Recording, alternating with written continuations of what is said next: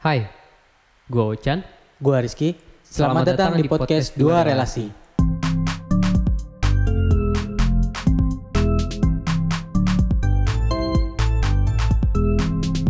Balik lagi di podcast Dua Relasi.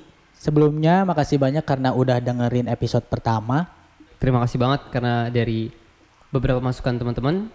Akhirnya podcast kali ini bisa jadi lebih baik semoga ya. Semoga gue juga mencoba untuk lebih rileks dibanding sebelumnya. Dan semoga keresahan-keresahan dari teman-teman terkait dengan intonasi, kemudian volume suara yang tidak seimbang dan segala macamnya itu bisa menjadi lebih baik di podcast kali ini. Oke, uh, first of all, gue mau ngucapin happy birthday to you. Karena gue dengar-dengar lu hari ini ulang tahun ya. Iya, betul banget. Makasih banyak. Yang keberapa? Yang ke-23. Menuju seperempat abad dan menuju tanggung jawab yang semakin besar. Gue nggak tahu nih mau ngomong apa sebenarnya. Udah diucapin selamat ulang tahun. Yang pasti gue makasih banyak banget sebagai teman lu udah mengucapkan itu dan menjadi pengingat juga untuk gue kalau ya hidup terus berjalan ya. Yes. Kita semakin bertambah umur, bertambah tua. Entah apa yang akan terjadi setelah ini, gue juga masih menebak-nebak. Tapi sebelum itu, sebelum kita masuk pembahasan, Iya, gue pengen tahu deh, lu ada make a wish gak? Atau lu pengen buat make a wish di sini? Biar nanti diaminkan sama yang mendengar. mungkin gua mau membuat satu harapan semoga apa yang diciptakan oleh kita semua tercapai dan tentu kondisi hari ini menjadi lebih baik ke depannya. Kita bisa beraktivitas normal lagi seperti sebelumnya dan itu gua rasa harapan dari seluruh umat manusia yang ada sekarang ini. Itu sih paling Gue cuma bisa berkata amin sebetulnya. Tapi di sisi lain gue ngerasa lu sekarang jadi pemuka agama yang mewakili doa umat manusia atau gimana? Enggak, enggak gitu dong, enggak gitu. Gue mencoba Oke. untuk mem- mewakili kali ya, Oke, tepatnya oke. mewakili teman-teman yang kebetulan gue bisa gua wakili suaranya di podcast dua relasi ini. Kayak gitu. Oke, masuk ke pembahasan. Tadi lu nanya kita mau bahas apa kan? Iya, bahas apa ya? Ada yang seru untuk dibahas di podcast kali ini. Dengar-dengar kalau lu anak pertama. Kalau gue boleh make sure. Iya, betul. Anak pertama. Gua anak pertama. Oke. Anak pertama ya, gue sebetulnya banyak unek-unek terhadap kalian anak pertama. Tunggu, tunggu, tunggu. Maksudnya apa nih kalian? Lu dan anak pertama lainnya. Oke. Karena yang gua baca, yang gua alamin, urutan kelahiran itu berpengaruh kepada kepribadiannya. Oh ya? Yes. Mau apa yang bisa dibuktikan dari statement itu? Oke, kita coba dari stereotip pertama. Boleh? Oke? Apa? Stereotip, Stereotip pertama dari anak pertama. stereotip anak pertama yang pertama. Lu tuh bosi banget. Oke, bagaimana itu bisa menjadi sebuah statement yang mewakili anak pertama anak pertama lain atau bisa dikatakan bahwa statement itu valid untuk seluruh anak pertama. Kalau dari pengalaman empiris gua, gua ngerasa seperti itu dari abang gua. Dia ngerasa menjadi leader di antara saudara-saudara yang lain. Yes. Lalu Lu sendiri kayak gitu gak? gua sendiri merasa mungkin ada faktor dulu gue pernah lead Mhm. beberapa orang ketika di kampus. Mungkin itu kali ya. Jadi kepribadian itu tumbuh atas dasar kondisi sosial atau kondisi lingkungan ketika gua menjadi seorang pemimpin untuk Mhm. kelompok kecil di Oke. kampus gitu. Tapi kalau misal kita tarik ulur ke belakang ketika eh, masih usia-usia sekolah gitu. Lu pernah gak merasa menjadi bos terhadap adik-adik lu gitu? Kalau itu gue lupa sih ya. Tapi kalau kepada teman-teman gua, gua merasa memang tidak ingin digurui, Mhm.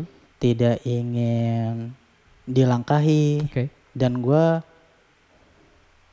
ingin mempunyai posisi yang jelas di satu Pengaruh. kelompok. Lu pengen punya pengaruh di satu kelompok.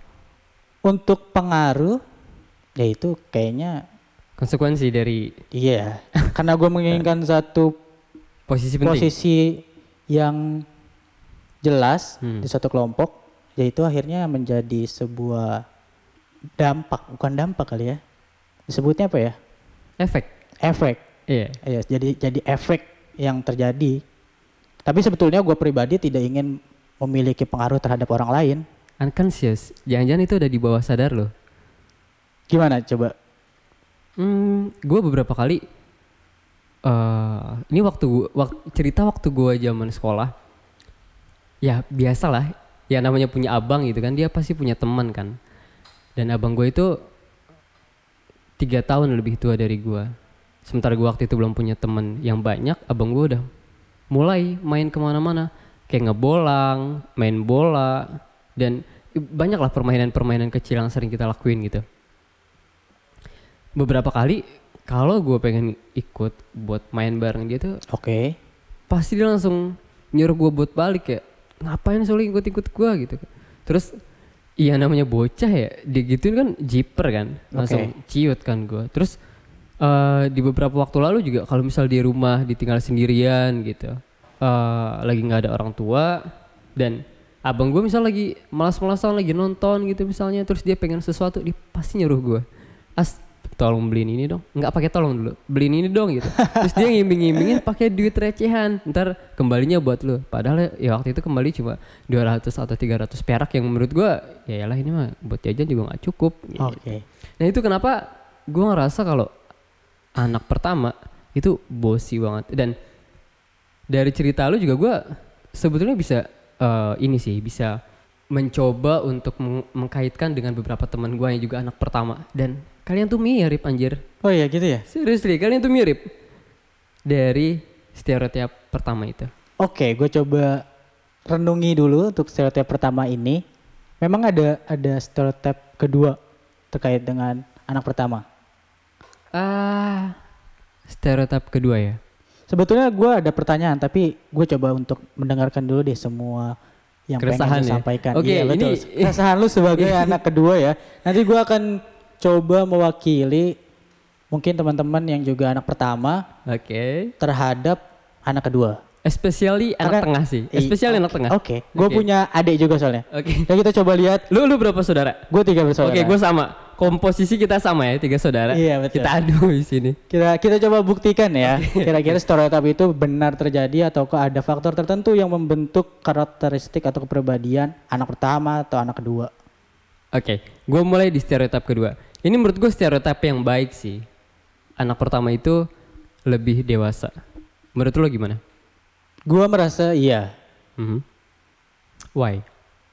Hal itu sebab gua memiliki tanggung jawab terhadap adik-adik gua Dari kecil. dari kecil. Tapi lu pernah di Karena tunggu, Oke. karena itu juga satu satu sikap yang lahir dari apa ya disebutnya? Amanah, bukan amanah. kepercayaan orang tua lu mungkin? Iya. Ya amanah sih emang. jatuhnya. Amanah ya? Amanah, amanah Ya, dari orang jadi tua lu. jadi itu itu terlahir dari amanah dari orang tua gua sehingga gua mesti bersikap demikian. Mhm. Gua merasa memiliki tanggung jawab terhadap adik-adik gua. Dan menurut gua itu cukup valid sih. Cuman itu juga akan gue tanyakan nanti setelah. Oke. Lu lu simpen dulu deh pertanyaan lu. Oke, karena banyak pertanyaan-pertanyaan yang akhirnya muncul setelah lu tanyakan karena gue mencoba untuk dari mana sebenarnya kepribadian atau sikap itu lahir terhadap anak pertama. Itu itu, itu akan kita bahas setelah ini. Nice. Next, ada lagi? Eh, nggak gue pengen ngasih komentar dulu sih untuk stereotip kedewasaan itu. Dibanding teman-teman gue yang seusia, gue ngerasa mereka yang anak pertama memang beberapa kali lebih punya atau lebih merasa punya tanggung jawab yang lebih besar. Itu bisa jadi hal yang baik menurut gue. Tapi kadang-kadang karena gue masih merasa agak childish gue ngerasa mereka yang juga anak pertama di usia gue terlalu sok dewasa gak asik serius sih gue pernah ngerasa kayak gitu jadi kayak di mana gue waktu itu masih uh, suka bersenang-senang masih suka kelayap bukan kelayapan sih suka ya lu pernah lihat lah temen lu yang kelebihan energi terus gerak sana sini. Terus anak pertama tuh pasti yang paling getol buat nyuruh lu berhenti. Kayak lu ngapain sih gerak-gerak nggak jelas gitu? Terus gue dalam hati kayak ya ini namanya kelebihan energi lu nggak ngerasain kan? Gitu. Hal-hal semacam itu yang yang yang gue rasain gitu. Eh, tunggu, tunggu, tunggu. Itu pada umur itu memang lu benar-benar mengatakannya seperti itu. hmm ya tapi dalam hati. Nggak gue waktu itu emang nggak berani konfrontasi jadi ya udahlah ya. Dalam hati ah anak pertama emang nggak bisa diajak seru-seruan gitu Hmm, gitu. Gue coba untuk telan dulu, ketampung dulu ya pendapatnya. Ini ntar kebanyakan nelen muntah darah loh.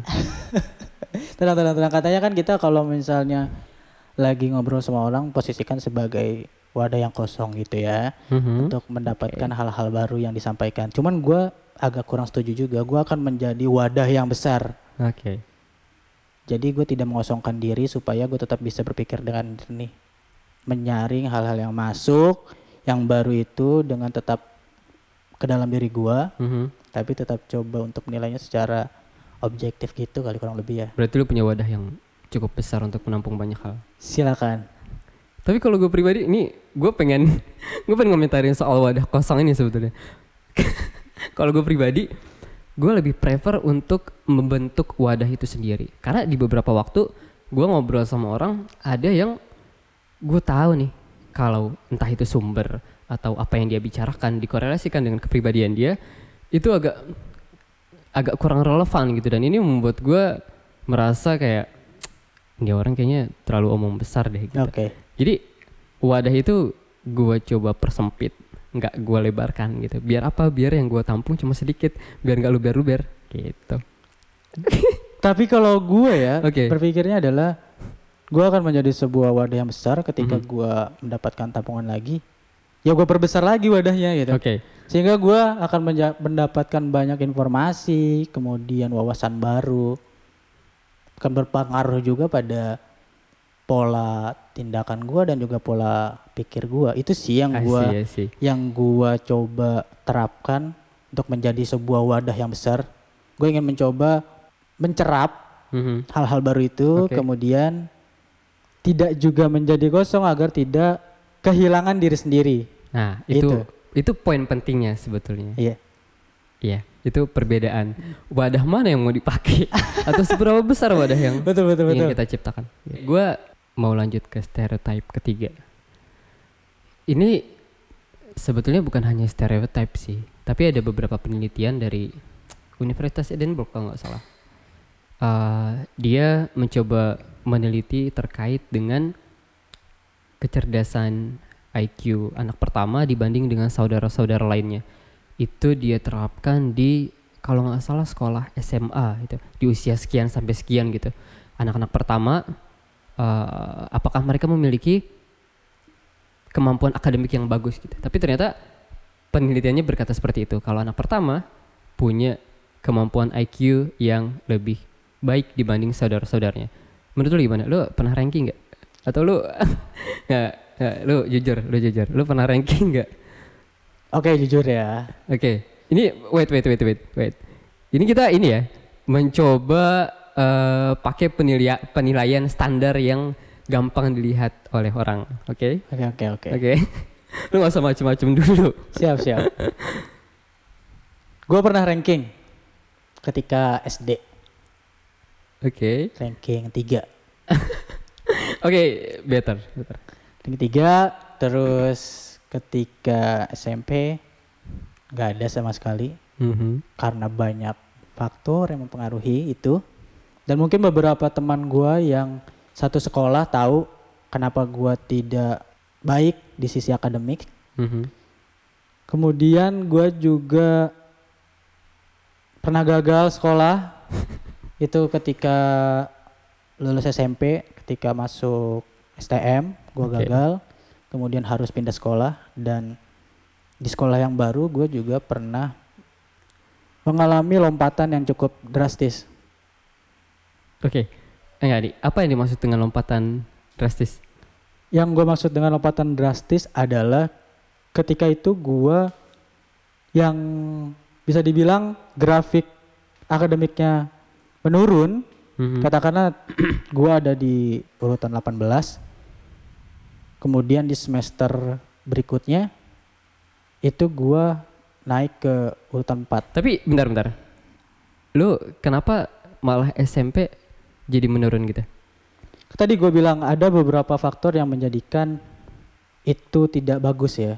Tapi lebih banyak memang faktor lingkungan dan dan rasa penasaran yang tinggi terhadap hal-hal baru, terutama di hal-hal yang katakanlah tidak baik gitu. Bisa kita katakan sebagai kenakalan remaja? Bisa, bisa, bisa. bisa. Oke bisa, bisa. Kita punya kosakata itu, kenakalan remaja. Kenapa lu nggak pakai aja? Gue mencoba untuk sedikit ek- implisit sebetulnya. Hmm, oke. Tapi ya sudahlah, lu sudah mengeluarkan satu terminologi itu. Jadi katakanlah gua ketika SMP mencoba be- beberapa kenakalan remaja. Mhm. Beberapa ya, dan itu tidak akan gua eksplisitkan Oke. karena ini menyangkut banyak hal. Ini jangan-jangan kalau misalnya ini dibocorkan masa depan lu jadi tergadaikan? Tidak tergadaikan. Oke. Cuman enggak. gua mencoba untuk ya sudahlah, tidak usah dibahas. Itu masa lalu yang penting gua memberikan poin pentingnya. Gua pernah ada di masa itu. Sehingga secara akademis Oke. gue tidak lebih baik dari ke- dari masa gue SD. SD. Iya itu. Tapi akhirnya kalau misal lu bilang kayak gitu, stereotype gue terhadap anak pertama tuh nambah deh. Apa tuh? Kalian tuh mencoba untuk terlihat baik terus dan membuat saudara-saudara yang lain terlihat buruk. Kalian mencoba untuk menjadi sok suci atau gimana? Nggak, tapi gue mau jawab. Lu jawab yang tadi dulu sih soal uh, kecerdasan IQ.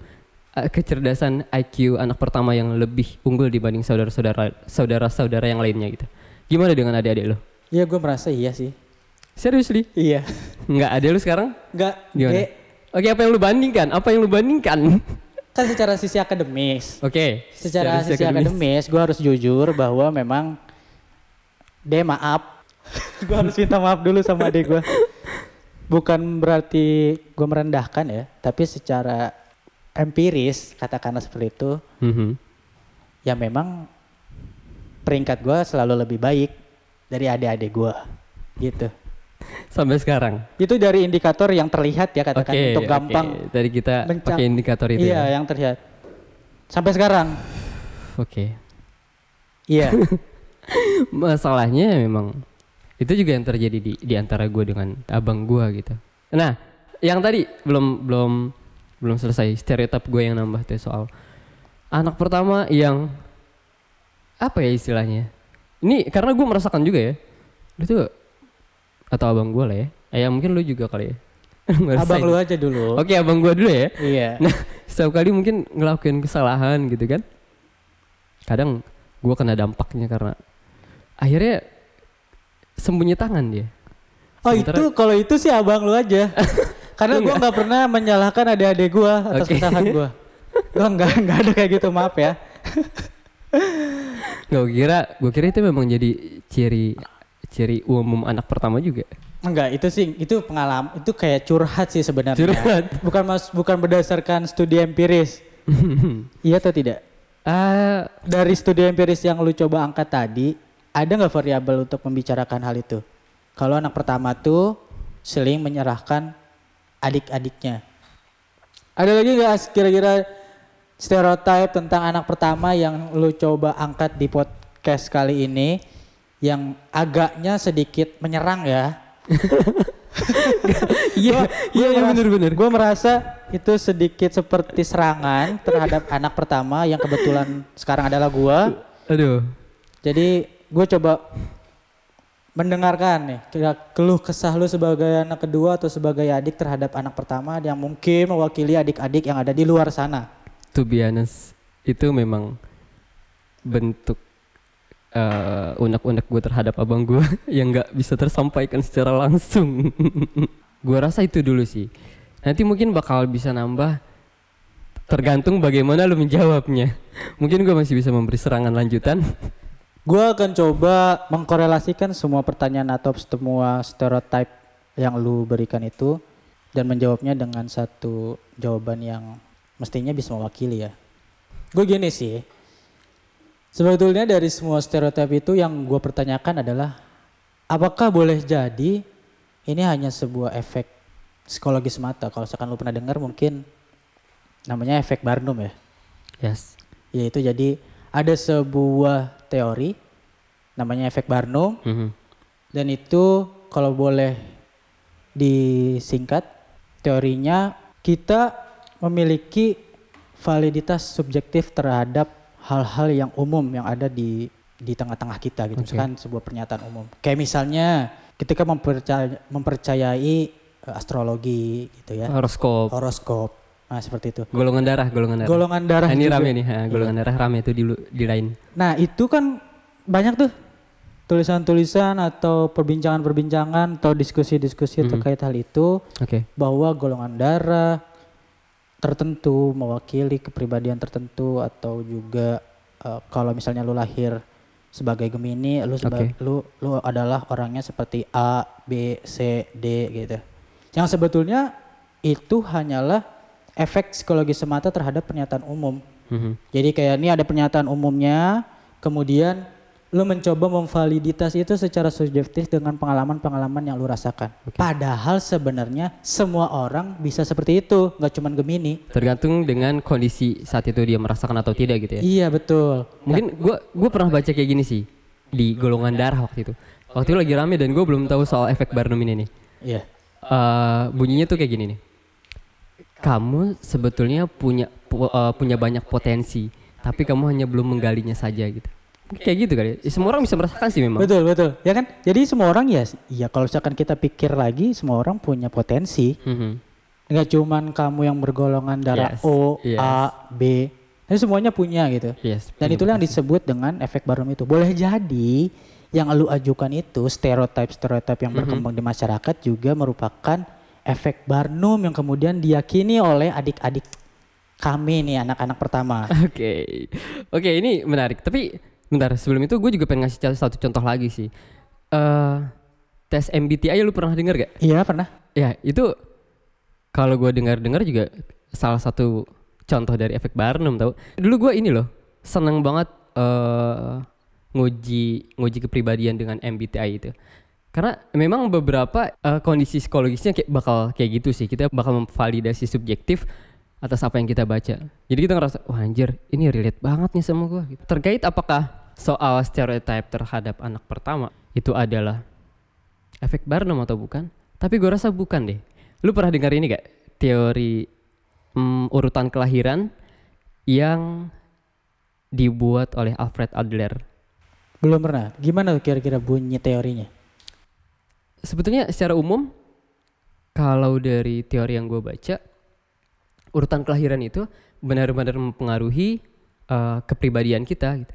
Karena gue akhirnya kesimpulan gini nih, kenapa akhirnya urutan kelahiran itu bisa menjadi teori dan bukan hanya efek Barnum gitu dan bahkan eh, Alfred Adler dia memasukkan ini sebagai teori eh, teori urutan kelahiran itu sendiri gitu karena ada eh, apa namanya kesinambungan atau ada relasi yang terjalin secara langsung antara anak dengan orang tua. Nah, menurut gue di situ sih poin pentingnya. Sementara efek Barnum, kita nggak ngelihat ada korelasi yang secara langsung tuh. Kalau kita tes MBTI, kita bakal subjektif banget kan. Kita bakal ngerasain atau kita bakal ngejawab apa yang kita rasain saat itu juga. Dan beberapa pertanyaan yang menurut gua itu nggak ada nggak ada kesinambungan yang langsung atau jelas di situ. Sementara orang tua kita itu itu punya relasi yang erat dan kita. Misal kita eh, berperilaku apa bakal dikomentar apa atau bakal disuruh apa. Terus orang tua kita eh, saat itu lagi punya uang. Misal dia anak pertama ternyata dia lagi sedang Lagi jaya gitu sejahtera. iya selagi jaya. Sementara di eh, kelahiran anak kedua itu justru lagi bokeh atau lagi ada. Kalau dalam kasus gua waktu itu gua gua nggak gua nggak nggak disapih asi sampai 2 tahun kan? Ya, kenapa tuh? konon kata nyokap gua karena waktu itu lagi krisis kan? 98 gitu. Jadi gua akhirnya pakai susu formula yang bantuan dari pemerintah tuh. Mungkin gara-gara itu juga gue jadi stunting. Nah maksud gue seperti itu. Ada eh, hubungan langsung antara subjek satu dengan subjek lainnya gitu yang itu dinamis banget gitu. Nah makanya kenapa gua rasa yang yang berpengaruh terhadap kepribadian bukan hanya efek Barnum gitu Tapi kayaknya itu termentahkan dengan pernyataan ini.